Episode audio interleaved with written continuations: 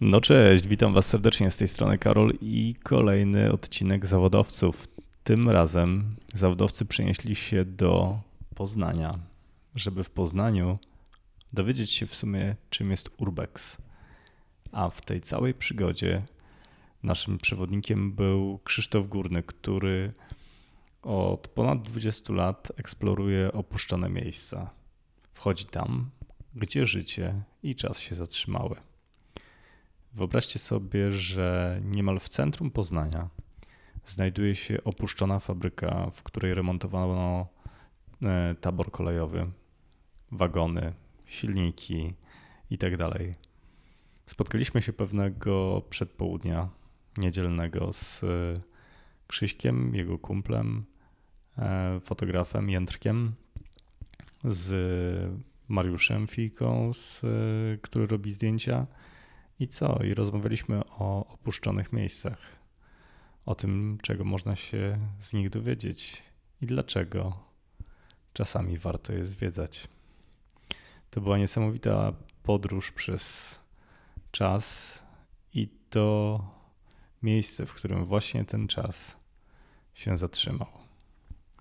Pozdrawiam serdecznie Jędrka, pozdrawiam serdecznie Ciebie Krzysztof. Bardzo dziękuję za to, że Byłeś naszym przewodnikiem tego, tego dnia. I cóż, Was zapraszam do słuchania zawodowców i do eksploracji różnych miejsc. A tak na marginesie, bardzo Wam serdecznie dziękuję za wszystkie wiadomości, które e, przesyłacie nas albo skrzynkę zawodowców, albo przez Instagrama. To naprawdę super, super, niezwykle mile. A oprócz tego jeżeli mógłbym na koniec mieć do Was małą prośbę, jeżeli słuchacie zawodowców, będę super zobowiązany za to, jeżeli znaleźlibyście sekundę, dwie i wystawili zawodowcom recenzję, a może też opinię napisali na iTunes. Z góry serdecznie dziękuję. Jeszcze raz pozdrawiam. Wszystkiego dobrego i do usłyszenia.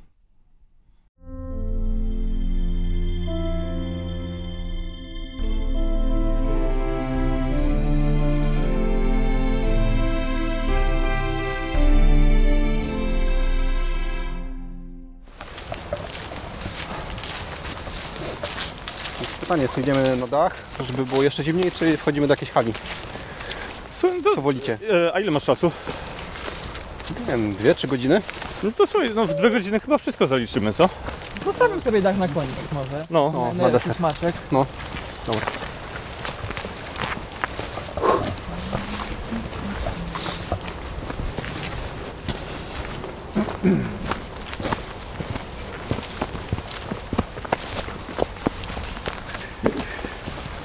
To od ilu lat to nie działa? Bardzo chciałem, żeby ktoś tutaj to wykupił i zrobił na przykład coś takiego jak e, wzortownia we Włocławku. No. Mamy też manufakturę we Włocławku, jestem w Łodzi. No, no mega miejsce. No, Loftowe żeby coś takiego takie. wykorzystać. No ale nikt tego nie zaaranżował. Nie zagospodarował, nie? Więc początki były takie, że skradaliśmy się tu przez płoty. Albo się płaciło ochronie, żeby móc wejść w miarę na legalu. No ale wszystko było pozamykane. We wszystkich budynkach wyglądało jakby po prostu ktoś wczoraj wyszedł, przykluczył drzwi. I wszystko stało po prostu, wszystkie biurka. W tym budynku jest mega super biblioteka swego czasu. Była pełna książek, nic nie było Naprawdę? rozgrabione, poprzewracane. Powinny być, ale są już teraz całe zamknięte, nie? Już trochę lat zrobiło swoje. Ma to swój taki potencjał na początku, jak zdobywasz te miejsca, nie? Poznajesz te wszystkie hale, to wszystko było pozamykane. Więc po tylu latach, jak patrzysz na to wszystko, no to, to no, ludzie. Dzielimy się na takich typów, którzy fotografują i nic nie niszczą i na takich, którzy fotografują albo przychodzą i rozwalają, nie? podpalają, wybijają okna. Teraz jest to takie miejsce ogólnie dostępne, kiedy każdy może tu wejść. Nie? No. Zmieniło się na przestrzeni tylu lat. Ale początki były super, to po prostu był zakład, jakby po prostu można było go zaaranżować od nowa, nie? Wstawić ludzi i to wszystko by działało. No. No ale ktoś zbankrutował, czyli ZNTK. I taki los. Czekaj, no to tutaj normalnie e, to jest połączone razem linią jakąś, wiesz, e, tramwajową z miastem? To tutaj? No. Nie, bo tu były tory, po którymi wjeżdżały wagony na serwisy. Tutaj mamy kolejne wielkie hale, nie? Bez końca ciągną się. Tu są takie budynki, do których możemy wejść, na przykład były laboratoria, gdzie sprawdzali różne e, wagi. No. Nadal stoi masa chemii, której na szczęście nikt jeszcze nie wziął, nie? Więc to ma swoje plusy, nie? że takich rzeczy nikt nie zabiera. A jaka pora roku jest tutaj najład- najładniejsza? Chyba wiosna. Wiosna? No, do tej czerwonej cegły, jak to wszystko zaczyna kwitnąć z powrotem żyć, nie? Robi swoje. To w ogóle ciekawie wygląda, wiesz, bo y, zobacz, że w takim opuszczonym y, w takiej opuszczonej przestrzeni przyroda zaczyna odgrywać najważniejszą rolę, nie? Tu szczególnie będzie można zobaczyć, jak rosną, zobacz, na wszystkich dachach rosną drzewa, nie? Sądzę, że jak to działało, to nikt na to nie pozwalał, nie? Ale teraz już jest wszystko w takim stanie, że no, trzeba się pilnować, prawda? Więc jakby jesteście, jesteśmy w czwórkę dzisiaj, więc samo to ma, że zawsze jak wchodzę, czuję się odpowiedzialny, nie? Za moich gości, czy za ludzi, których zabieram gdzieś. Wiesz co, moja koleżanka y, prosiła, żebym Ciebie zapytał właśnie o tą zasadę y, Leave No Trace. Aha. O co w tym wszystkim chodzi? Ale w sensie dosłownym? No, I dosłownym, i dla, dla Ciebie. No.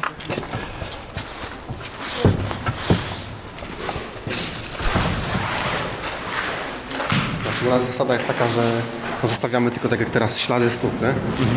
Nie, nie niszczymy, nie zabieramy. Fotografujemy i zostawiamy tylko ślad po sobie, nie? Aha. I jakby dajemy temu miejscu kolejną historię.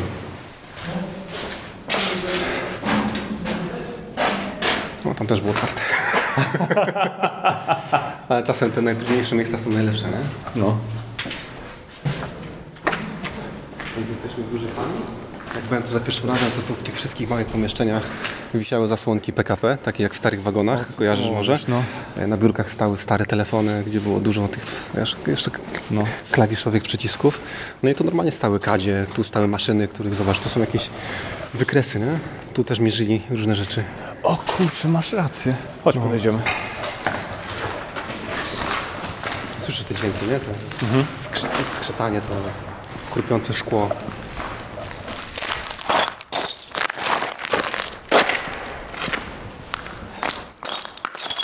Co było, w tych silosach tutaj? Tutaj jak dla mnie to właśnie sprawdzali jakieś rzeczy, które albo z transportu wagonów, albo też jakiś olej, no bo to wszystko gdzieś tam się jednak smaruje, nie? W tych dużych silnikach. Wszędzie można spotkać właśnie wielkie plamy oleju, stąd też prosiłem, żebyście zabrali jakieś inne buty, których nie będzie żal, nie? O, te wykresy są super. Nikt ich jeszcze nie zabrał, jak widać. Chociaż wystrój w chacie takich e, wykresów ma też swój smak, nie? Tak myślę przynajmniej. Kurczę, super to wygląda. No tu gdzie jesteśmy, to pamiętam jak wdrypowaliśmy się przez jakieś takie okno delikatnie uchylone. Jak jeszcze nic tu nie było powy- powybijane, rozgrabione.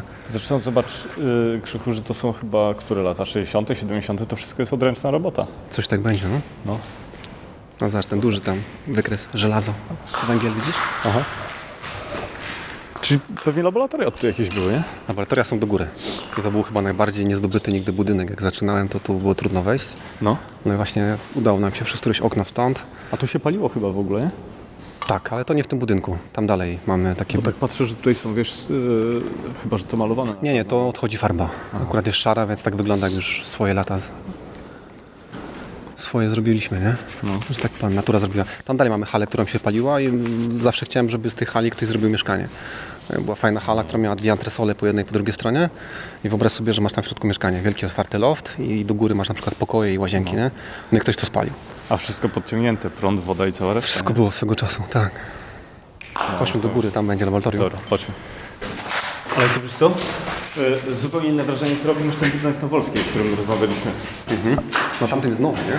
No. To i to była szkoła, więc tam zupełnie inny charakter. Co Ka- Każde takie miejsce ma inny charakter. No.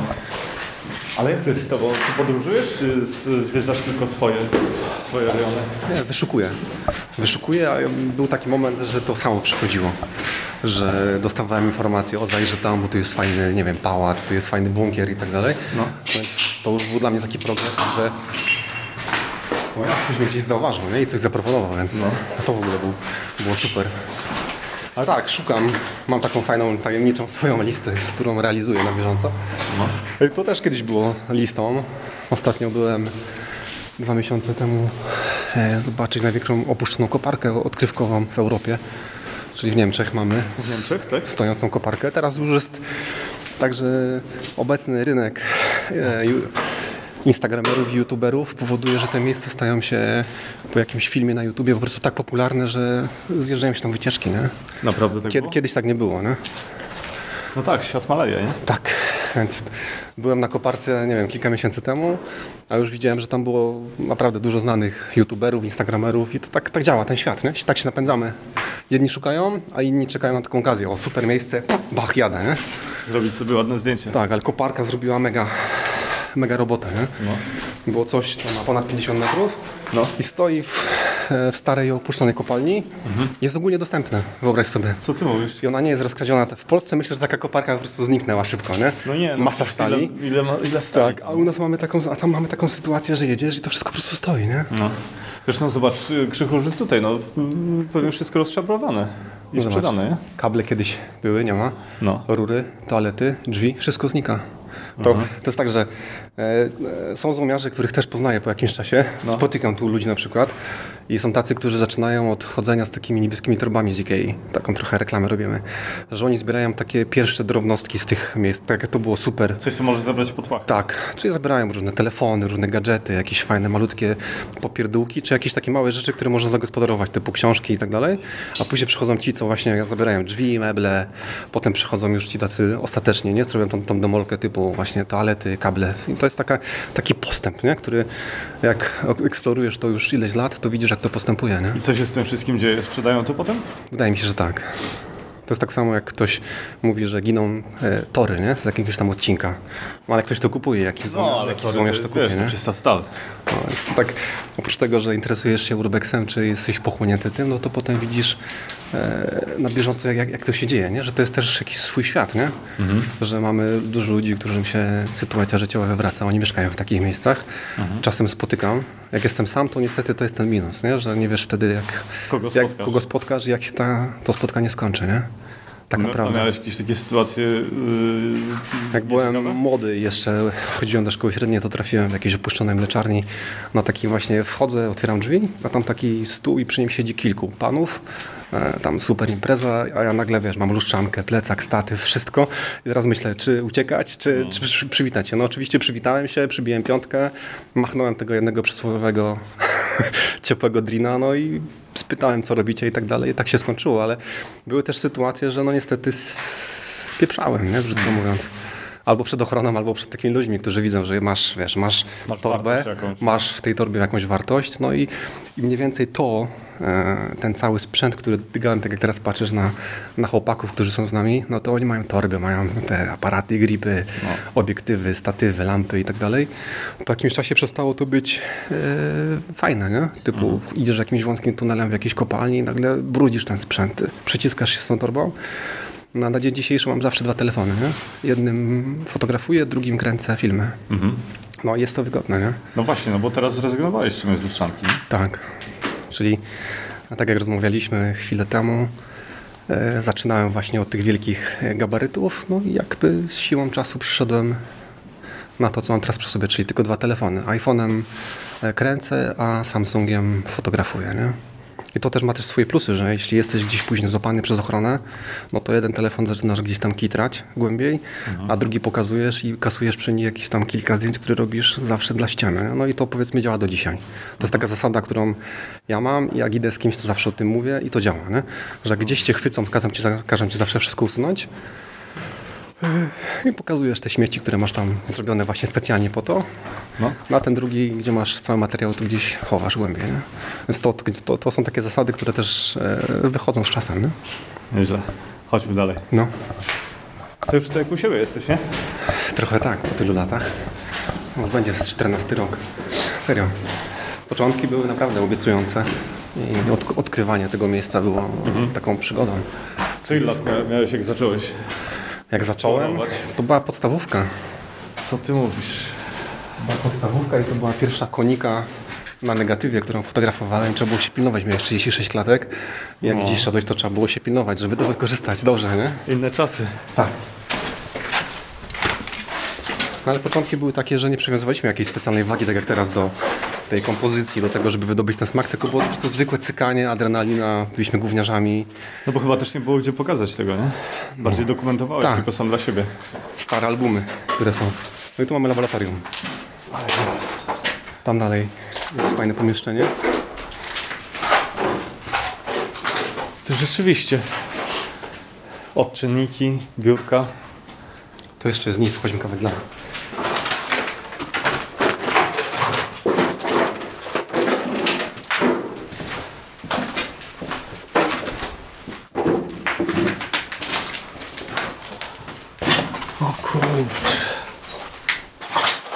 Tu myślę, że moglibyśmy zrobić fajne zdjęcie.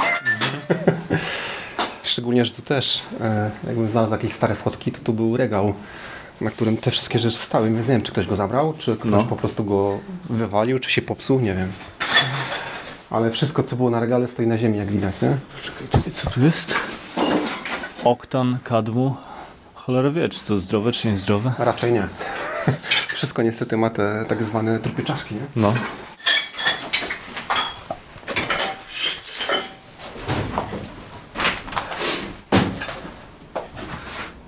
Starczan sodowy i tego typu rzeczy. Kwas solny. No to nie są raczej zdrowe rzeczy, które Raczej nie. Ale jaja. No ale jest też Tatra, całe szczęście. zawsze są. tego typu rzeczy. Więc to laboratorium było swego czasu takim miejscem niezdobytym, że sam nas, U, no, ale no śmierdzi strasznie. pali, no. Na samych drzwiach tutaj było No. e, kilka kłódek i co tu jestem, to właśnie spotykamy jakąś parę, która robi sobie zdjęcia wśród tych wszystkich chemikaliów. No. Masa odbijaczy statywów, więc te miejsca są już na tyle popularne i w sieci i gdzieś tam No. krążą, że ludzie tu przyjeżdżają z całej Polski robić zdjęcia. To jest taki nasz, powiedzmy sobie, wielkopolski Czarnobyl, nie? Można powiedzieć. no ale Kwintesencja. zobacz, jesteśmy na dobrą sprawę y, krzychu w centrum miasta. Tak, To jest niesamowite. tak. Ale śmierci niesamowicie. Ja wiesz co, jak, ten, jak, jak się umawialiśmy, ja myślałem, że my... Faktycznie, zdecydowanie. O! No, tu. Chodźmy w lewo. O. Ale się śmiało,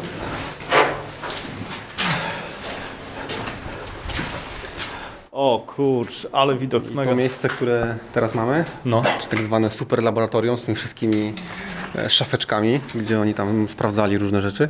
Te pochłaniacze, zobacz.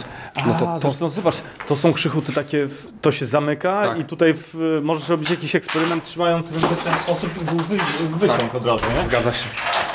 Więc jak za pierwszym razem tu byłem, to to wszystko wyglądało po prostu jakby ktoś na chwilę stąd wyszedł, jak była przerwa. A masz jakieś zdjęcia z y, Musiałem z poszukać, tak. Byłoby super, jakbyśmy znaleźli coś, No. coś takiego. Musiałem poszukać. No i to Jędrek też pamięta, że No. były czasy, kiedy przychodziliśmy i to wszystko stało jeszcze nienaruszone, nie? Niesamowite. Więc z jednej strony ten postęp jest naprawdę ogromny, No.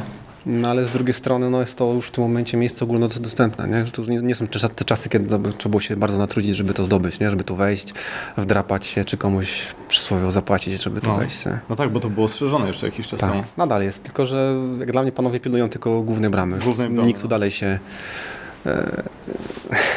Ale zobacz, jak niesamowicie wyglądają te, y, te meble malowane, widać, któraś warstwa farby schodzi, nie? Aha, zgadza się.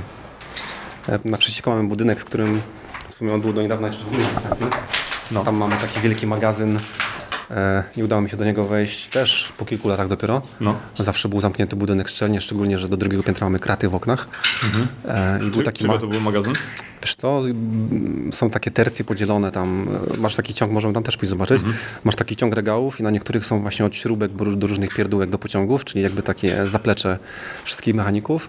Ale był taki przedział, gdzie były na przykład mundurki, buty i tego typu rzeczy dla różnych pracowników kolei. To jest najlepsze, że wchodzisz do takiej lejki i widzisz na przykład stos tam, nie wiem, tysiąc butów na regałach, które po prostu leżą, jakby ktoś o nich zapomniał i są zakurzone jakąś dużą One warstwą kurzu. Możemy pójść zobaczyć. Myślę, że takie rzeczy nie znikają. No to są buty kolejarskie, nie? Albo odzież kolejarza, więc takie rzeczy tam są, nie? I to była taka kwintesencja. Stoisz między tym regałem, który y, taką alejką regałów, które ciągną się, nie wiem, na przykład na, że nie skłamał, na kilkaset metrów, nie? Naprawdę, dla mnie Krzysiek niewyobrażalne jest to, że my jesteśmy w centrum Poznania teraz. Zgadza się. No i podawanie właśnie tych lokalizacji to jest coś, czego ja nie lubię robić, nie? Możemy to wyciąć. Nie no, to nie chodzi o to, teraz już nie ma znaczenia, ale na przykład jak gdzieś jestem, no to staram się po prostu pisać, co to jest za miejsce, ale nie gdzie jest, nie? A jak są głupie pytania, to niestety no, nie odpowiadam. Nie? Wiesz co, my z Mariuszem byliśmy w... Pamiętasz Mariusz tą miejscowość, gdzie był ten szpital? Jest opuszczony szpital y, Pod Warszawą? pod Warszawą, no. Aha. Pewnie go znasz. I tam robiliśmy... Taki już mega Tak. po, postęp już tam jest Tak, duży. tak, tak, Ale tak, miejsce jest klimatyczne, bo jest też jakby prawie w centrum lasu, nie? W środku lasu można powiedzieć. Tak. to jest. My robiliśmy tam zdjęcia z Izą Michalewicz, tą, która y, pisała książkę o archiwum Mix polskim. Aha, Pokażę Ci potem foty. okej. O, takich bezdomnych, takiej typowej żulerni i tak dalej, nie? Kiedyś, jak to jeszcze było takie bardziej niedostępne, to można było faktycznie spotkać ludzi, którzy po prostu mieli jakiś swój kawałek, nie? No tam właśnie no, Znajdowali jakieś fajne pomieszczenia, gdzie można było się zamknąć. Tak, tak, tak. Spotykałem tutaj takich ludzi. pomieszczeń, które są przysłonięte, gdzie są osoby, które mają właśnie swoje pokoje, drzwi zamykają na kłódki i tak No, dalej, nie? zgadza się, od środka, tak. Tak, no. Co do Warszawy, to pamiętam e, swego czasu właśnie obok Hiltona był taki ciąg e, starych budynków. Taka kamienica ciągnąca się kilkaset metrów. Też pamiętam, że byliśmy i na ileś tam set mieszkań jedno było zamknięte od środka. Nie? I ewidentnie ktoś tam po prostu koczował w środku. No i Warszawa też ma swoje smaczki, tylko trzeba ich poszukać. Nie? Jest dużo komercyjnych smaków, ale są takie też W Śródmieściu czy poza? no, okolice Hiltona. Akurat nie, nie powiem, co to jest za dzielnica, bo aż tak Warszawy nie znam. No, no, ale żebyśmy, tak. Teraz niedawno odkryli, nie wiem czy widzieliście, był stary browar obok Hiltona. I teraz go odkryli, te wszystkie podziemia. To te podziemia też pamiętam, że biegaliśmy po nich, jak one były po prostu w ogóle trafiliśmy na nie przypadkiem. Żeby do nich wejść, trzeba było się tam nieźle poprzedzierać, nie? No właśnie, bo są w ogóle różne rodzaje tego eks- e, eksplorowania, nie? W, w sensie katakumby. Tak. Nie byłem jeszcze, jak jeśli też o, o, o parę katakumby. Tak? No właśnie miałem cię zapytać, wiesz, o... Nie byłem, choć e, jest to też gdzieś na mojej liście, nie?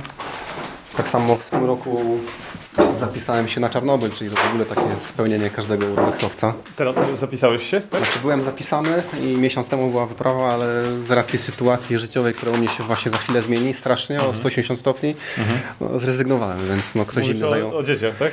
Tak. Gratulacje. Dzięki. Więc to, to jest coś, e, gdzie znam tylko właśnie dwie ekipy, które były. Naprawdę? Tak. No ale to wariaci dobrze, bo tam... Tam Na bieżąco można wyjść na, na świecące, nie? Tak, tam, tak, no to jest świeża sprawa przecież. No tak, tam Fukushima ile? Parę lat temu. I goście, którzy tam byli, no to są miejsca, gdzie oni chodzą w ogóle bez niczego, w krótkich spodenkach i dla mnie to jest już taki hardcore, nie? O, Że, sorry, no tam jeszcze wszystko świeci, nie? no tak. Tylko tam już trochę inny level niż e, Czarnobyl, nie? To już jest całe miasto, dużo większe niż Czarnobyl. I stoją tam Cadillaki w sklepach, jest wszystko, nikt tego nie zabiera, bo tego nie można zabierać. No, sam chciałbyś zabrać coś do domu radioaktywne? Chyba nie. no ja. No, więc to są takie właśnie, no Fukushima to już jest w ogóle bardzo odległe marzenie, nie? No. Ale tak jak wspominałem o koparce, no koparka też była dosyć, dosyć długo nieosiągalna, nie? Lokalizacja w ogóle była trudno dostępna. W sensie trudno tam się było dostać fizycznie, tak? Kiedyś tak, no teraz się okazało, że będąc tam szliśmy kilka kilometrów e, pieszo, a się okazało, że można w sumie pod koparkę podjechać samochodem, więc no. tak. Będąc tam spotkaliśmy też jakąś grupę z Polski, która właśnie podjechała samochodem pod całą koparkę, więc no później się gryzłem trochę, że przyjechaliśmy samochodem, zaparkowaliśmy go i To dron dreptaliśmy. chyba też sporo ułatwia, nie? Zdecydowanie, tak. Więc zabieramy często swoich dronów nie mamy, ale zabieramy kogoś z dronem czasem. Aha, Idziemy? dobra, idziemy. Chrupiące szkło i tego typu inne rzeczy. Ale ty powiem ci, jak jest ciemno, to się można nieźle wiebać. Tak. Znaczy tu akurat jest zwykła studientka, nie? Wszystkie w nocy jak ktoś bierze eksploruje, nie? Tutaj można naprawdę Bez rzeczywiście... latarki raczej słabo, nie? No. No tu akurat chyba nie jest głęboko. Troszkę, tam woda jest, więc myślę, że tam może być... Znaczy ten budynek, w którym jesteśmy jest połączony podziemiami z, tym, z tą halą po lewej. Tylko na Tak? dzień dzisiejszy jest woda po, po, po cycki, więc myślę, że nie będę wam proponował. Nie będziemy dzisiaj właściwie. Ale rozumiem, że przychodziliście, tak? Tak, tak, tak. Zgadza się. To zobaczmy jak wygląda dzisiaj ten magazyn, który był jeszcze niedawno niedostępny.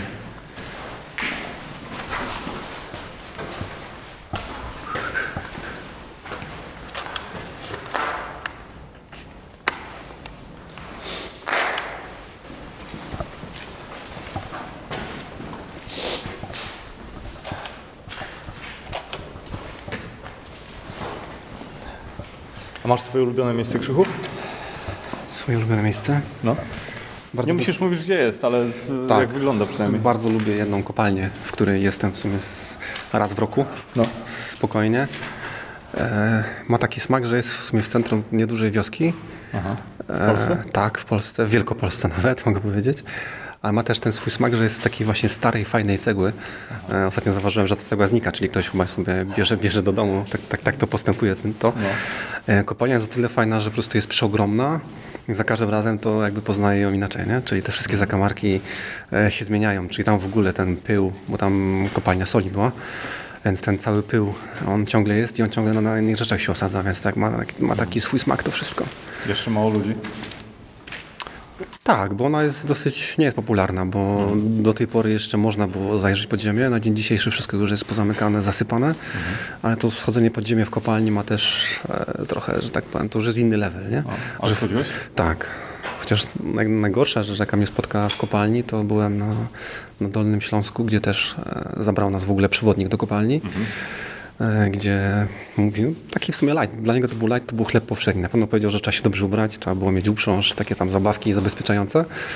I też pamiętam, że dygałem ze sobą leszczankę, którą pobrudziłem strasznie, bo to była kopalnia, w której była taka ruda ziemia, która obklejała ciebie, obklejała twoje ręce, sprzęt. Trudno było to wszystko domyć. E, my schodziliśmy takimi pionowymi e, kominami na dół, w których były tylko poprzeplatane deski podtrzymujące cały ten strop. I potem się schodziło i w sumie jakby się poślizgnąć, no to było tam dobrych tych paręnaście metrów na dół. No i to było tak, że tam cały czas e, skraplała się woda, byłeś brudny, no i w sumie to mogło się zawalić w każdej chwili, tak? On sam mówił, że on tam wchodzi od dzieciaka, ale w sumie to kiedyś to się zawali, nie? No i przyznam szczerze, że wtedy się bałem, nie? To A miałeś kiedyś taki moment, że y, w sumie y, twoje życie było zagrożone? Tak. Tak? Tak, e, w podpoznańskim bunkrze, do którego nie ma wejścia i byłem tam parę, parę razy, przystępowałem, żeby go zaatakować. E, się okazało, że trzeba jednym kominem do niego zjechać na linię i później takim szybem wentylacyjnym wejść do niego do środka. I okazało się, że nie zabrałem małpki, po, którym, po której się wchodzi do góry po linie. Taki, takiego przyrządu. I pamiętam, że męczyłem się dosyć długi czas, żeby w tym kominie wdrapać się do góry. Komin był ponad 12-metrowy. A i zapierałeś się nogami po prostu. Tak, tak. więc to była taka gruba sprawa, kiedy poszedłem sam, nie? I to akurat jest słabe, więc e, nauczyło mnie też życie i, i to, że jak założyłem rodzinę, no to zasada jest taka, że zawsze jak gdzieś idę, to, to daję sygnał żonie. To mówisz gdzie, co? I jestem, wszedłem i tak samo daję sygnał, jak wychodzę. E, taką mamy zasadę, nie? że żona toleruje to wszystko, już powiedzmy sobie przyzwyczaiła się do tego. E, no ale zasady są, nie? że informujemy, kiedy wchodzimy, kiedy wychodzimy. I tak samo, jeśli zabieram jakieś osoby, no to czuję się za nie odpowiedzialny zawsze. Stąd za chwilę możemy porozmawiać o tym, że też e, poszedłem w komercyjną eksplorację, czyli robiliśmy też O, ponad ciekawe. pięć e, komercyjnych spotkań. E, I się okazało, że jest sporo chętnych ludzi, którzy nie chcą sami szukać takich miejsc, tylko wolą pójść na gotowe. Mhm. Możemy za chwilę pogadać. A jak myślisz, ilu jest ludzi, którzy robią urbex w Polsce? Coraz więcej. Jest to coraz bardziej, tak, coraz bardziej popularne i to się też połączyło e, z różnym eksplorowaniem miejskim, prawda? Też kiedyś e, urbexowiec to był ktoś ubrany tylko w moro. Tak na, nadal tak jest, że ludzie, którzy chodzą na urbex muszą się ubierać w moro i tak dalej. Ale wyobraź sobie kogoś przeskakującego przez płot w centrum Warszawy w moro, e, wyskakującego z jakiegoś opuszczonego obiektu, wiadomo od razu gdzie był, prawda? No tak. A co innego jak wyskakujesz tak jak my, normalnie ubrany w kurtce, w czapce, no więc no, to też tak działa, nie? że dojrzewamy do niektórych rzeczy, nie? Dla mnie to też było, że potem rzucam się w oczy w pomarańczowej kurtce, ale z drugiej strony wychodząc wyglądam normalnie, prawda? To ma też swoje plusy i minusy. No i to, że nie mam żadnego plecaka, tak jak panowie z tyłu zaraz się. No, do tego wszystkiego trzeba było dojrzeć, mi się wydaje, nie? No. No ale to tak mało, zobacz, buty są, widzisz, jak zawędrowały daleko z samego końca, o których mówiliśmy. I one są nowe, zobacz, nieużywane. Zobacz, no. Mały rozmiar, 23, dla jakiejś małej kolejarki, A zobacz. zobacz, który rok? Jest gdzieś odbite? Jest jakaś data, ale nic nie widać. 30, kontrola jakości. Nie ma daty niestety. No ale tak po modelu to bym powiedział, że 70 chyba, nie? No. Zobacz Mariusz, to jest to o czym mówiliśmy, o butach, które nadal są nowe. Jakbyś chciał dla dziewczyny dwa- dwa- 23 rozmiar. I one są nówki sztuki, nie? Zobacz, jeszcze podbijane gwoździami. Zobacz. No, ale to, to widać, że to jest po prostu nietknięte. No nie, jeszcze są niezasznurowane, nie? No. No dobra, Krzychu, a jak masz jechać na wakacje, to gdzie jedziesz na wakacje? A gdzieś, gdzie jest mało ludzi. Czyli nie jeździmy na wakacje all inclusive typu wycieczka na Portaventurę, tylko nie ma silników. Nie ma. Nie ma, zniknęły. Jak widać można porwać silnik pociągowy też. No. Y, Spędzamy z reguły gdzieś w dziczy. Daleko od miasta, gdzie wymagane jest 4 na 4 e, gdzie jest cisza, spokój. Ostatnio, Polska czy zagranica? Polska.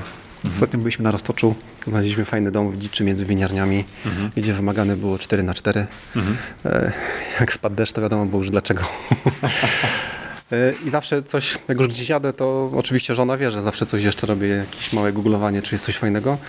I ostatnio właśnie będąc na Roztoczu znalazłem fajny ośrodek harcerski, który był nad jakimś bardzo komercyjnym jeziorem. Dużo fajnych, e, nowych, nie wiem, apartamentów. I nagle ośrodek ze wszystkim w środku. Pełna kuchnia, wisiały jeszcze łyżki na ścianach do nabierania w stołówce. E, Cała stołówka z jednym wybitym oknem Co ty mówisz? taki smak właśnie i też jak byłem to i pokazuję później gdzieś tam jakiegoś storiesa, czy gdzieś się chwalę zdjęciem, to pojawiają się pytania, gdzie to, nie? Więc jeśli wiem, że jest ktoś konkretny, kto pojedzie i nie zdradzi tej lokalizacji dalej, no to mi pokazuję, nie? Mówię, gdzie to jest, ale ogólnie staram się, żeby każdy się natrudził, nie? Bo mi rzadko kto podaje. Jak czasem pytam różnych swoich guru, gdzie są te lokalizacje, to nie wszyscy są chętni, żeby podać, nie? Czyli co raczej sport indywidualny? Chociaż chodzenie w pojedynkę ma też to, że adrenalina jest zwiększona o 100%, na pewno, bo jesteś sam, nie Jest masz... uważność chyba inaczej. Tak. No jak jesteś w jakimś miejscu pierwszy raz, to zupełnie inaczej się zachowujesz, czyli myślisz o tym, żeby nie wpaść, żeby nie zrobić sobie krzywdy, no i masz cały czas dookoła siebie oczy, nie? A dopiero będąc następny raz skupiasz się na tym, żeby pójść i zrobić dobre fotę, nie? Tak to działa. Twoja historia jest w ogóle ciekawa, bo mówiłeś, że studiowałeś na SP. Tak, i nie skończyłem, niestety. Tak, nie wiem, właśnie wstyd trochę powiedzieć, że nie skończyłem, ale tak, tak. Po pięciu latach się okazało, że, że nie podszedłem w ogóle do obrony. Ale co studiowałeś? Grafikę? Fotografię? To na zwykłej fotografii byłem. Mhm. I powiedzmy sobie, że to bardziej było wyrobienie sobie znajomości, kontaktów, niż nauka czegokolwiek, bo w sumie niczego się nie nauczyłem. Mhm. Sam jestem z rodziny, gdzie mieliśmy ciemnie, więc przerabiałem to wszystko dużo wcześniej niż idąc na studia, nie? Więc analog to jest coś na przykład, do czego niektórzy teraz wracają, No.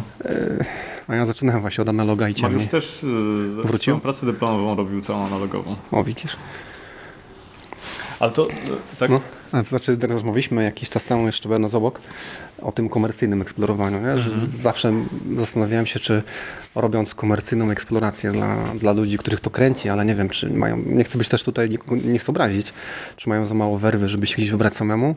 To się okazało, że jest grono zainteresowanych instagramerów, którzy chcą zapłacić nawet, Mhm. żeby pojechać i coś w jakiejś asyście przewodnika od początku do końca obejrzeć. No tu, gdzie jesteśmy, też robiliśmy taką komercyjną eksplorację Mhm. i wydaje mi się, że dużo lepiej pójść z kimś, kto już to zna, niż samemu błąkać po omacku. Nie? Tak jest z każdym miejscem. Jak wchodzisz, Też pytanie, ile masz czasu? No, jak jesteś stąd i możesz być tutaj co dwa tygodnie, to jest też zupełnie inaczej, prawda? tak było. No. Teraz zaglądam tutaj rzadko, ale, ale zaglądam i widzę po prostu, że postęp jest niesamowity i wydaje mi się po prostu, że niebawem już tu nie będzie co oglądać. Będą po prostu gołe mury, nie? Czyli tak jak większość miejsc, które kończą, no to po prostu kończą gołymi murami, bez okien, bez kabli, jest to zwykły beton, nie? Później to całe serce, to wszystko znika, nie? Bo co Cię najbardziej interesuje? Ten przejaw życia takiego, który kiedyś tu funkcjonował? Mhm, tak. Właśnie e, przed rozpoczęciem, po- rozpoczęciem naszej rozmowy, jak jechałem e, samochodem, myślałem sobie, co bym chciał Ci powiedzieć ciekawego.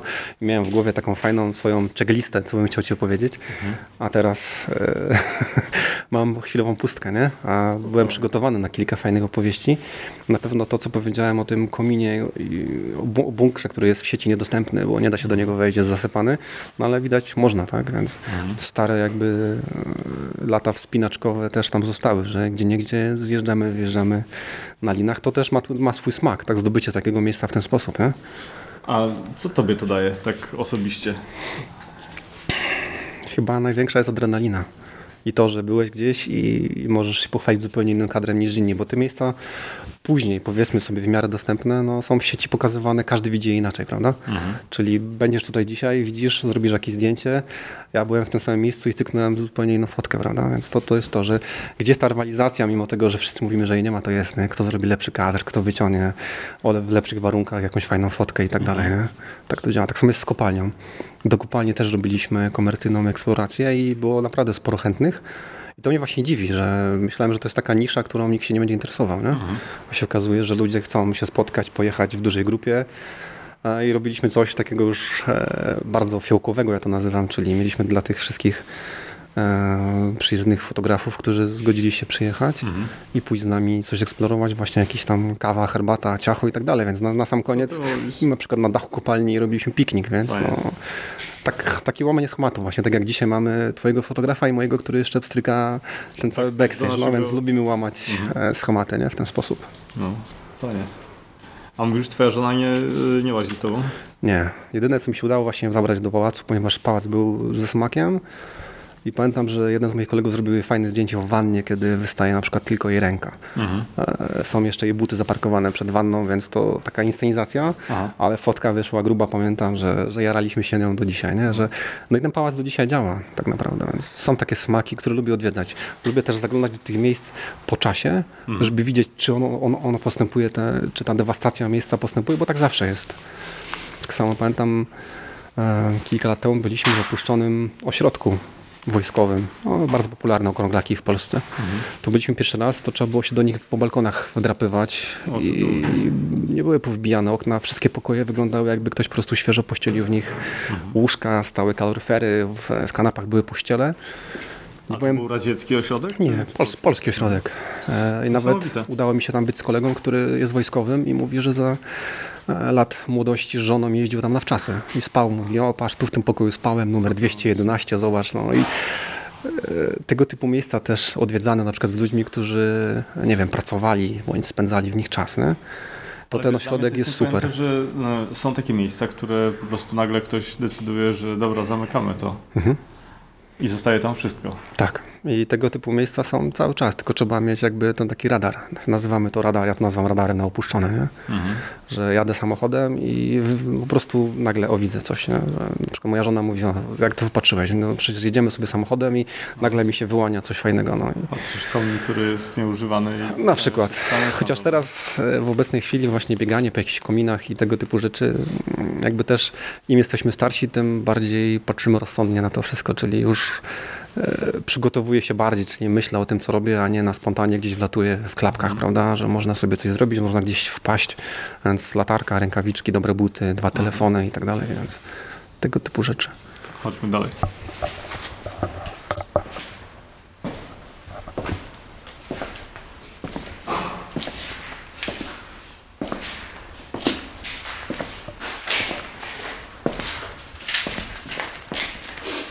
No jak widać, buty są cały czas, buty nie są interesujące. I chyba też jak sam zwiedzasz, jak eksplorujesz, to jest ta cisza taka, nie? Tak. Cisza i te dźwięki, które się nagrywają między naszymi rozmowami, czyli te szeleszczące, nie wiem, papierki, pobite szkła, stara farba i czasem jakieś dziwne dźwięki, które jak są pootwierane okna, gdzieś tam często powodują ten strach, że ten dźwięk powoduje, jak nagle ktoś łaził i czujesz po prostu wtedy spotykasz dużo adrenalinę. zwierząt? Czy to są takie miejsca, gdzie zwierzęta... Nie, właśnie nie. Jakoś niespecjalnie mogę się tym pochwalić, że, że tak jak wiem, że ludzie, którzy jeżdżą do Czarnobyla spotykają lisy i inne zwierzęta, to mi się nie zdarzyło. Oprócz jakiegoś tam kota, czy tam jakieś gołębi, to są takie pospolite nasze zwierzaki. To, No to właśnie, nie. y, wspominałeś o Czarnobylu, to jest taka perła w koronie wszystkich eksploratorów. Myślę, że tak. Tylko na dzień dzisiejszy to nie jest tak, że pojedziesz sobie sam i spędzisz tam tydzień, tylko po prostu no, trzeba mieć przepustkę, trzeba być z kimś, kto to organizuje, ma dostęp wszędzie. Więc no, bieganie po strefie samemu też nie jest dobre. Nie? I w sensie no, nie jest nielegalne, więc zawsze są to komercyjne wycieczki z jakimś wolnym czasem, kiedy ktoś ci po prostu daje, nie wiem, kilka godzin, żebyś mógł sam gdzieś pójść i wrócić na miejsce zbiórki. Nie? Jak długo możesz być w Czarnobylu, żeby to było bezpieczne? Aż takich konkretów to nie wiem, ale myślę, że, że wycieczki trwają około 7 dni. To jest tak, że jest tylko kilka godzin w strefie i potem reszta jest już poza strefą. Nie? No około. Dokładnie tak. No, przyznam szczerze, że to już w tym roku dopinałem już tak, że byłem zapisany, prawie wpłaciłem zaliczkę, ale z powodu sytuacji życiowej jakby e, priorytety mi się zmieniły, powiem tak. O, A ile kosztuje wyprawa do Czarnobyla? około 2000 zł. To niewiele. Z taką Warszawy. egzotykę. No jedyne co, no to trzeba mieć wizę, prawda? To jest podstawa. Ją trzeba wyrobić i No ale to chyba też nie problem teraz, prawda? Chyba nie. Znaczy bardzo mnie kręci e, ta cała nasza zachodnia część, czyli Belgia i Francja. Tam jest dużo smaków i nie ukrywam, że przygotowuję właśnie z jednym warszawskim eksploratorem jakąś taką bardziej komercyjną rzecz, typu wynajęcie busa dziewięcioosobowego i puszczenie w weter. Y, Elektrownie. takie Nie, mówię bardziej osoby, o pałacach i opuszczonych e, wielkich posiadłościach, bo na przykład w Belgii jest to no, zdjęcia stamtąd po prostu robią wow, to już nie ma, że Ciekawe. masz opuszczony wielki pałac, w którym jest wszystko. I to mówimy o takich zabytkowych rzeczach, które u nas by nie miały racja miejsca, że to w ogóle jeszcze leży tam albo I stoi to jest nietknięte. nietknięte. Inna Tak. kultura, nie? Tak, inne podejście w ogóle mi się wydaje, to samo jest w Niemczech. Mhm. Jednym z marzeń było też Belic, czyli opuszczone, opuszczony szpital, w sumie największy pod Berlinem. I też kilka lat temu, jak jeszcze można było tam zajrzeć nielegalnie, e, bo na dzień dzisiejszy jest to instytucja komercyjna, czyli żeby zwiedzić Belic, po prostu płaci się, bilet dostajesz i możesz zrobić sobie wycieczkę po opuszczonym Naprawdę? jakimś tam, tak. E, No, jakiś, jakby, jakby to nazwać, taki duży obiekt szpitalny. To byłem właśnie też z grupą znajomych i przyznam szczerze, że to była wtedy taka akcja, że trafiliśmy na policję, czyli ktoś nas e, zgłosił, że gdzieś biegamy i pamiętam, że ukrywanie się przed niemiecką policją, która daje mandaty w euro, no daje dos- dosyć niezłą adrenalinę, czyli chowanie się w jakiejś szafie kilka godzin, zanim ktoś sobie pójdzie, nie? E, Nas po, policja ściągnęła z dachu z w Alma Mera. No, ale tylko dostaliśmy pouczenie. pouczenie. Znaczy mi się nie zdarzyło dostać mandatu.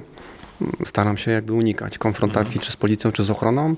Choć jestem na tyle bezczelny, że czasem do ochrony potrafię podejść i zapytać na przykład, czy można zrobić u nich coś komercyjnego, dogadanie się z nimi postronnie, choć no, w obecnych czasach mało kto chce ryzykować swoją posadę. No to właśnie Damian Stęporski zawsze podkreślał, że na spokojnie panowie, tak? W, Zawsze mam to samo, że jestem właśnie, nie uciekam, zawsze rozmawiam, rzadko mi się zdarza uciekać czy biegać przed kimś.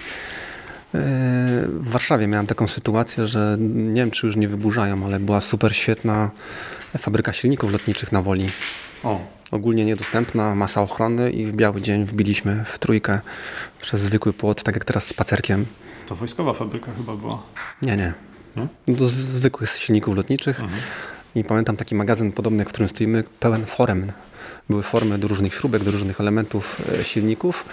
I była też tam na przykład e, figura Jana Pawła II zrobiona na jakąś mega uroczystość. I ona była właśnie zrobiona w jakimś żeliwie. I ona sobie po prostu stała porośnięta jakimiś pajęczynami. E, no i zwiedzaliśmy chyba kilka godzin ten obiekt.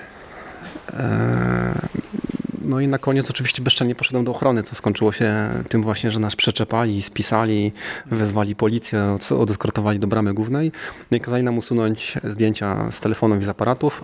No i po to właśnie warto mieć drugi telefon, żeby pokazać, tak, usunąłem panowie i nie będę tych zdjęć publikował, więc wszystkie zdjęcia stamtąd są po prostu nieopisywane, co to jest za miejsce, ale samo w sobie, no powiem szczerze, robiło, robiło wrażenie. Czyli centrum Warszawy i mega dużo magazynów z, z różnymi fantami w środku. Social media chyba w Urbexie też wszystko zmieniły, nie? Tak. Spowodowały, że te lokalizacje są coraz bardziej dostępne i już nie trzeba się tak napracować, żeby je znaleźć.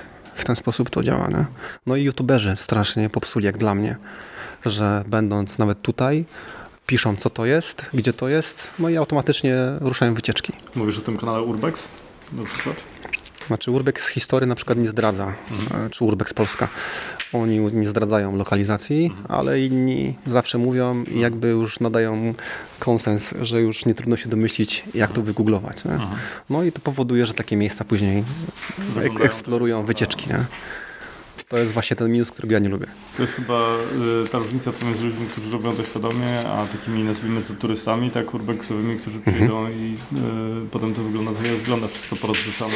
Y, Znaczy też nie rzucajmy wszystkiego tego, co tu widzimy, tego postępu na fotografów, tylko na, na ludzi, którzy przychodzą. ja o tym mówię właśnie. kradną, albo zwykłych ludzi, którzy przychodzą, bo jest fajnie wybić szybę, bo jest fajnie coś rozrzucić czy, czy rozwalić. Tak, tak samo jest w Almamerze. On też był super do momentu, kiedy cała Warszawa nie zaczęła chodzić na dach i po kolei na każdym piętrze coś rozwalając. Tak? No. Więc mówię, ja pamiętam Almamer, kiedy jeszcze w środku jeździła winda. A o ile ciekawsze miejsce to by było, jakby to było zachowane. Rzadko się tak zdarza. No. Chodźmy dalej. A jak to było, Krzysiek? To, to po prostu poczułeś, że chcesz chodzić po opuszczonych miejscach, czy gdzieś wy- wyczytałeś o kimś, kto, kto to robił wcześniej?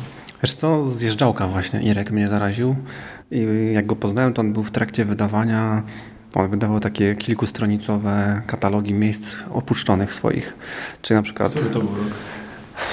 90 któryś, jak wydawał swój pierwszy katalog, który się nazywa po prostu Stockbed. I on właśnie zaraził mnie tymi centralnymi kadrami, którymi ja też się do dzisiaj kręcam. Kręcą mnie, czyli jest, jak zauważyłeś przyglądając moje zdjęcia, są zawsze proste, centralne kadry. Nie ma, brzydko powiem, trochę na swoją niekorzyść jakiejś finezji wielkiej, ale to właśnie Ale jest to takie... jest twój styl zresztą, po którym ja Ciebie znalazłem. Tak, no to właśnie tak mam i tak mi zostało właśnie po Irku i to nie wstydzę się powiedzieć, że Irek mnie tym zaraził, tymi prostymi, centralnymi kadrami i zawsze chciałem wydawać tego typu rzeczy i zbieram się trochę tak na przykład, żeby, żeby w końcu coś takiego zrobić. Mm, Jest taka też opowieść, że jak poznałem moją żonę, to zacząłem jeździć do Włocławka. Tam mamy celulozę przy Wiśle, która no, paręnaście lat temu była w super jeszcze stanie. Nie była tak jak teraz w typowo prywatnych rękach i została zburzona do zera, ale dziadek mojej żony był tam dyrektorem technicznym, znał każdą śrubkę, każdą maszynę i jak pokazałem mu zdjęcia podczas jakiejś tam pierwszej eksploracji, to on wyciągnął takie katalogi, kiedy celuloza świętowała jakieś swoje 50-lecie i te katalogi mam do dzisiaj w domu. Kiedy widać tą celulozę jako takie miasto we Wrocławku, które miało swoją szkołę, swoje przedszkole, swój e, zakład jakiś tam powiedzmy medyczny. Wokół zakładu pracy całe miasto się tworzyło. Zgadza się. I do dzisiaj dziadek, który ma już e, 90 lat, mieszka dokładnie w, w starym robotniczym mieszkaniu, które dostał jako służbowe i codziennie z okna widzi to, co po niej zostało. I jak rozmawiasz z kimś takim, kto spędził w tej fabryce pół swojego życia, serwisując te wszystkie e, techniczne maszyny, no to mu się kraje serce. Nie? I wydaje mi się, że to jest fajna opowieść na pokazanie starych zdjęć wyciętych z tych jego jakichś tam gazetek na, na rocznicę i tych zdjęć, które ja zrobiłem, które pokazują, jak to wszystko się zmieniło na przełomie tych lat. Czasem udaje się znaleźć kogoś, kto ci potrafi opowiedzieć o tym. A powiedz Krzysiek, a zmieniło się twoje podejście do czasu? Mówisz o szacunek swojego czasu, który poświęcam na to? Nie, w ogóle. O to, jak postrzegasz czas. E, Myślę, że ja się zmieniłem, bo trochę inaczej podchodzę i kiedyś było to takie na hura, mega duża adrenalina, jakby oswoiłem się już na tyle po tylu latach z tym, że adrenalina jest, ale już nie jest taka na maksa, że po prostu jestem, tylko skupiam się bardziej na tym, żeby wychwycić smak na fotografii tego, tego wszystkiego, co eksploruję. Ostatnio miałem przyjemność być w takiej wielkiej szkole technicznej, z nauczycielem, który mnie zaprosił. Mówi, tu w tej sali wykładałem, tu miałem warsztaty, panowie układali, układali jakieś części z rozebranych autobusów, też tutaj w Poznaniu. I to jak ktoś cię oprowadza po miejscu, w którym e, pracował, spędzał połowę swojego życia jako nauczyciel, no to to jest taki smak, który jest trochę niedoc- niedoceniony przez innych, którzy wejdą tam po prostu po nas, cykną kilka fotek, ale jakby ta historia nadana też tym zdjęciom, no jakby dopełnia to, to całe miejsce. To jest chyba też trochę tak, jak, y, jak rozmawialiśmy, jak dla mnie podcasty, możliwość poznawania ludzi i historii, to, to ty poznajesz po prostu ludzi i historii, tylko że z innej perspektywy. Nie zawsze się tu udaje, ale tak, to jest taka kwintesencja tego wszystkiego. Nie udało mi się poznać nikogo tutaj z tych zakładów, który mógłby mi przejść powiedzieć, o tutaj pracowałem, tu było moje biurko, tu spędzałem czas na przerwie, czy tam pracownikom delegowałem zadania. Nie, tutaj mi się nie udało nikogo takiego poznać. Ale jest to takie dopełnienie całej historii miejsca, w którym jesteś. Miałem też przyjemność być, e, rzadko się zdarza, że są kościoły opuszczone. Holandia chyba y, przoduje teraz w tym, prawda? Tak, wiemy dlaczego oboje. E, tak, w Polsce zdarzają się, ale rzadko, a jeśli są, to już są splądrowane na maksa. E, znam taki, który ma klucz dłuższy od mojej ręki i jest w prywatnych rękach. Kościół. Kościół, tak, ktoś kupił kościół i, w ogóle, że w Polsce i w nim jest wszystko. On po prostu wygląda, jak można w nim było jutro odprawić mszę. Nie są... Nawet jest nagłośnienie wszystko i na dzwonnicy można pójść i zrobić ding Wiesz co, to, dzwonem. to w ogóle niesamowite, bo y, Kościół, szczególnie w Polsce, ostatnią, ostatnią rzecz, jaką robi, to sprzedaje swoje, swoje nieruchomości. To, to Znaczy to jest nabyte chyba dawno temu i to przesz- przeszło z ręki do ręki, jak e, właściciel nas zaprowadził i bardziej to była, było komercyjne wejście, czyli chciał zdjęcia, chciał coś z drona w środku, więc jakby przyjemne z pożytecznym, ale no miejsce wyglądało po prostu super, ponieważ żeby do niego wejść trzeba było się przedrzeć przez jakieś takie bardzo długie, wielkie pajęczyny, jak w filmach, więc no, miejsce nieotwierane dosyć długo. I dzwon, naprawdę jak zadzwoniliśmy, to wychodząc później na zewnątrz ludzie się, ludzie, się dziwili, że to w całej wiosce było słychać ten dzwon, nie? no, bo kiedyś zawsze dzwon coś symbolizował. Tak, a najgorsza chyba historia jest taka, że wchodziliśmy też do więzienia i opuszczonego komisariatu policji.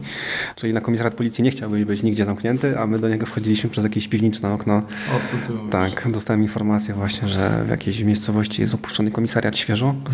I jeszcze na magazynie stała jakaś stara nysa policyjna, też taka zakurzona. I jest, nie wiem, czy to, sądzę, że już go nie ma, bo jak przyjeżdżałem ostatnio, on był w trakcie burzenia, ale wdrapywanie się na komisariat było czymś głupim, powiem szczerze. Ale jak to jest? Eksplorujesz tutaj przede wszystkim Wielkopolskę, czy podróżujesz dużo też? Znaczy najbliżej komina tutaj właśnie w Wielkopolsce, ale tak zdarza mi się przez to, że dużo jeżdżę, to podróżuję, to, to wypatruję smaki też w innych województwach. No, marzeniem moim jest cały czas Śląsk i znaleźć kogoś, kto pokaże ten Śląsk taki właśnie zupełnie inny. Mówisz o kopalniach takich, e, Tak. takich małych, które gdzieś kiedyś funkcjonowały. Takich brudnych, że wychodząc stamtąd poczujesz, że tam byłeś, nie? W ten sposób. A masz jakieś takie marzenia związane ze światem w, y, gdzieś dalej? Gdzieś dalej? No to myślę właśnie, że Fukushima to jest takie po Czarnobylu niespełnione marzenie, bardzo odległe, ale, ale myślę, że to już będzie grubas wtedy, nie? A takie klimaty, nie wiem, jakieś, y, tak jak rozmawialiśmy, y, katakumby, y, Paryż. Są, ale to są takie rzeczy eksplorowane codziennie, tak? Więc tam codziennie ktoś na nielegalu wchodzi pod ziemię. Y, Myślę, że chętnie, gdy będzie okazja, ale, ale nie jest gdzieś na, na początku mojej listy. Takiej. Zawsze sobie mówię, że mam listę, ona jest oczywiście w głowie, nigdzie, nigdzie na papierze. Y, I tak staram się realizować te, pomału te rzeczy. Z tego, Jest ich trochę. Lubisz takie, rzeczy, takie miejsca, które, w których było mało ludzi. Bo to ma też jakąś swoją kwintesencję nie? tego wszystkiego, że e, kiedy jesteś, nie wiem, setny w kolejce i pokazujesz zdjęcia, no to jakby czujesz też takie trochę niespełnienie wewnętrzne, mi się wydaje. A jak na przykład wybiegam, wybijam na jakiś opuszczony komisariat policji, sądzę, że nie było na nim tysiąc osób, bo to jest głupie wchodzić na nieczynny komisariat, prawda? Ale sam w sobie był prosty, czytelny i to, że są, jakby, nie wiem, jakieś sale przesłuchań czy cele, w których na przykład kolega cię zamyka i przyklucza, bo jest klucz w zamku, no jest to głupie, nie? I, i powoduje wtedy to... wtedy czujesz ten strach, jak to jest być po tej drugiej stronie, nie? A ilu jest takich y, aktywnych urbexów w, w Poznaniu? W Poznaniu? Znaczy ja kojarzę choćby z tych wszystkich social mediów około 10 takich, którzy są i chwalą się swoimi poczynaniami, gdzie byli i też e, stali się youtuberami, czyli jakby to zaczęło się od Instagrama, a teraz na, na chwilę obecną widzę, że króluje YouTube, prawda? Czyli te wszystkie vlogi z różnych fajnych miejsc. O, Jędrek nas zamyka.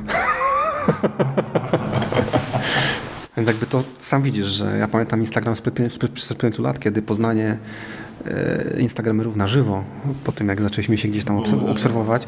Tak, i później te wszystkie spotkania, a na, a na jakim poziomie jesteśmy dzisiaj? No to jest tak, że Instagram, tak jak tobie pewnie, e, dał dużo znajomych wirtualnych, którzy w, tym świecie prawdziwym okazali się super. E, Tak samo było w moim przypadku, że też poznałem dużo fajnych ludzi, z którymi do dzisiaj utrzymuję kontakt i z takimi, którymi wiem, że dzisiaj mogę być na dobre i na złe po tych kilku latach. Ale byli tacy, którym też bardzo ufałem, a na chwilę obecną, no niestety to gdzieś tam przypadło. No? Ale słuchaj Krzysiek, to chyba jest życie normalne. W każdej grupie Zgadza się. rozkład jest do, dokładnie taki sam. Mhm. E, Dla mnie to jest w ogóle wiesz, super zaskoczenie, bo ja wcześniej, ja wiesz, rok temu nie używałem social mediów w, w ten sposób jak teraz, także e, ja to wszystko odkrywam. Ja się przyznam z bólem, że nie mam Facebooka. Nie wiem, co to Facebook. Zawsze szydrzę trochę. Ale to może z powodu jakichś tam osobistych rzeczy i prowadzenia firmy. E, Nie używałem nigdy Facebooka i otworzyłem się na Instagram i to też trafiłem przez jakichś swoich guru, kiedy e, też pamiętam te czasy, kiedy na przykład e, prowadzenie jakichś e, swoich fotostron e, typu Bart Pogoda, Marek Ogień, e, Robert Danieluk to byli takie trzech e, polskich dla mnie guru, których obserwowaliśmy z żoną. Jak jeszcze nie było... To jest gość, który... fotografuje Sportowy fotograf. Rzeczy, tak. Zgadza się. Surfing i tak dalej, prawda? Tak, i teraz jakby ten Instagram, który mamy i możliwość e, e, rozmawiania z tymi ludźmi, napisania czasem wiadomości, że ktoś ci odpisze i czy tam odpowie na twoje jakieś pytanie, no to jest coś, czego e, w życiu kiedyś nie myśleliśmy że o tym, że będzie można na przykład, nie wiem, pogadać z gościem ze Stanów, który biega po Detroit, tak? I też robiłem kiedyś z nim wywiad właśnie. Jest Polak, który mieszka w Detroit, na co dzień pracuje na lotnisku, tankuje samoloty i po pracy zakłada ciuchy, zabiera ekipę różnych narodowościowych kolegów i z bronią i z nożem idą eksplorować Detroit. I to nie jest teraz żart, że z bronią i z nożem, ponieważ się tam... I to jest takie właśnie, e, może przed tą Fuk- Fukushimą i Czarnobylem, to myślę, że Detroit to jest takie, też taka mekka, do której każdy z nas by chciał pojechać, zobaczyć wielkie na 40 piętr opuszczone kasyno, w którym stoi wszystko i kręcili kilka filmów. Tak, jak z nim tam czasem rozmawiam i on widać, że przebywa tam już chyba z 20 lat, to widać, że ten język polski jest mu trochę mniej już nie, na rękę, jak już operuje tylko angielskim na co dzień, ale jak opowiada czasem, co spotyka i jak tam, bo u nas te urbexy są naprawdę na lajcie, tam po prostu uciekasz przed policją i wyciągasz broń, jak cię ktoś próbuje z nożem zajść. I dla nas to są takie rzeczy, których sobie nie potrafimy w ogóle wyobrazić, nie? Więc jakby urbexy mają różne poziomy i w każdym kraju jest inaczej, nie? Myślę, że za granicą jest tak, że na przykład no, bardziej myślisz o tym, że możesz dostać konkretniejszy mandat, że jakby, nie wiem, niemiecka czy francuska policja się już mniej certoli niż nasza. Nie mówię tego tutaj, żeby komuś się podlizać, ale, ale tak to jest, że bardziej boimy się za granicą niż u nas w Polsce, nie? Ale to jest tak, że mm, słuchaj, jeżeli wchodzisz do miejsca, które jest de facto otwarte, y, a nie jest zamknięte, do którego jest dostęp, to łamiesz w jakiś sposób prawo, czy nie? No myślę, że tak, jest ochrona, która zawsze gdzieś jest i zawsze są te szyldy, że to jest e, teren prywatny, wstęp zbroniony, ktoś tego pilnuje. No są też miejsca, do których wchodzisz i miałem raz taki, taki incydent. E, Zostałem zaproszony do nieczynnej mleczarni w centrum niedużej miejscowości. E, I wchodząc tam się okazało w ogóle, główne drzwi były otwarte, a mleczarnia wyglądała jakby faktycznie przed chwilą po prostu ktoś zamknął zmianę i poszli tylko na przerwę. Większość rzeczy miała naklejki zajęte przez syndyka i że to jest wartość, że to jest własność państwa i tak dalej, że zostanie zlicytowana i wtedy e, no nie ukrywam, że przełknąłem głośno ślinę, że gdyby mnie ktoś tam spotkał, no to mógłbym zostać potraktowany po prostu jako zwykły złodziej, prawda, który przyszedł coś buchnąć, typu stały komputery, stały e, wszystkie maszyny, E, w pokoju dyrektora nadal, nadal wisiały, wisiały na ścianach wszystkie jakieś nagrody, stały puchary i to jest przerażające trochę, będąc w takim miejscu, nie?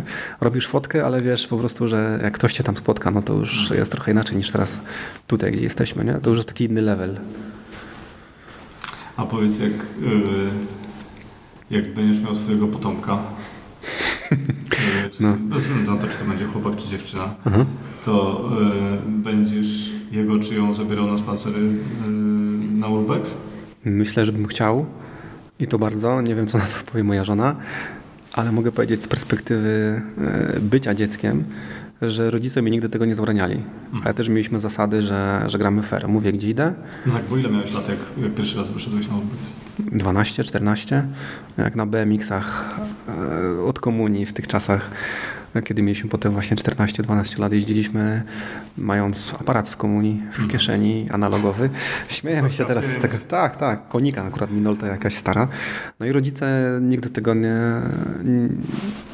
nie, nie, ten, nie akceptowali, ale mama zawsze mówiła, że no ona nie jest od tego, żeby dusić te, te, te zainteresowania i popędy, szczególnie, że u nas w rodzinie fotografia była czymś takim oczywistym. Każdy miał aparat, każdy miał e, analog i też właśnie przychodziłem razem z bratem ciemnie, analogii. No jakoś tak się do dzisiaj skończyło, że ja mam telefon zamiast e, prawdziwego aparatu w ręce. Niektórzy tego nie rozumieją. Tylko mobilnie fotografujesz, prawda? Tak, teraz tak i nie mam z tym żadnego problemu ani dystansu. Choć momentami wróciłbym na przykład do jakiegoś bezlusterkowca, widzę po kolegach, z którymi chodzę, że telefony są super, dają wiele możliwości i jakby masz to zawsze w ręku przy sobie, no ale jednak to lustro daje trochę większą potęgę i kadry są trochę inne. Widzę po prostu jeszcze tą różnicę, nie? Więc może jeszcze chwilę i e, wróciłbym do jakiegoś małego bezlusterkowca z szerokim kątem, ale tylko właśnie do małego jakiegoś, żeby nie tachać tego całego plecaka ze sobą. A jakbyś miał powiedzieć komuś, yy, kto by pomyślał sobie, kurczę, fajny ten Urbex, No, to jak zacząć? jak zacząć? No, No najlepiej z kimś, nie? Żeby zobaczyć jak. Znaczy to nie ma takiej ścisłej zasady, nie? Bo to nie jest e, chodzenie do szkoły, no, ale przede wszystkim trzeba uważać. Sam widziałeś, że wszędzie można wpaść, wszędzie można się przewrócić, nadziać, nie wiem, pociąć się. Więc buty, rękawiczki, nie? To przede wszystkim polecam. No najlepiej chodzić z kimś.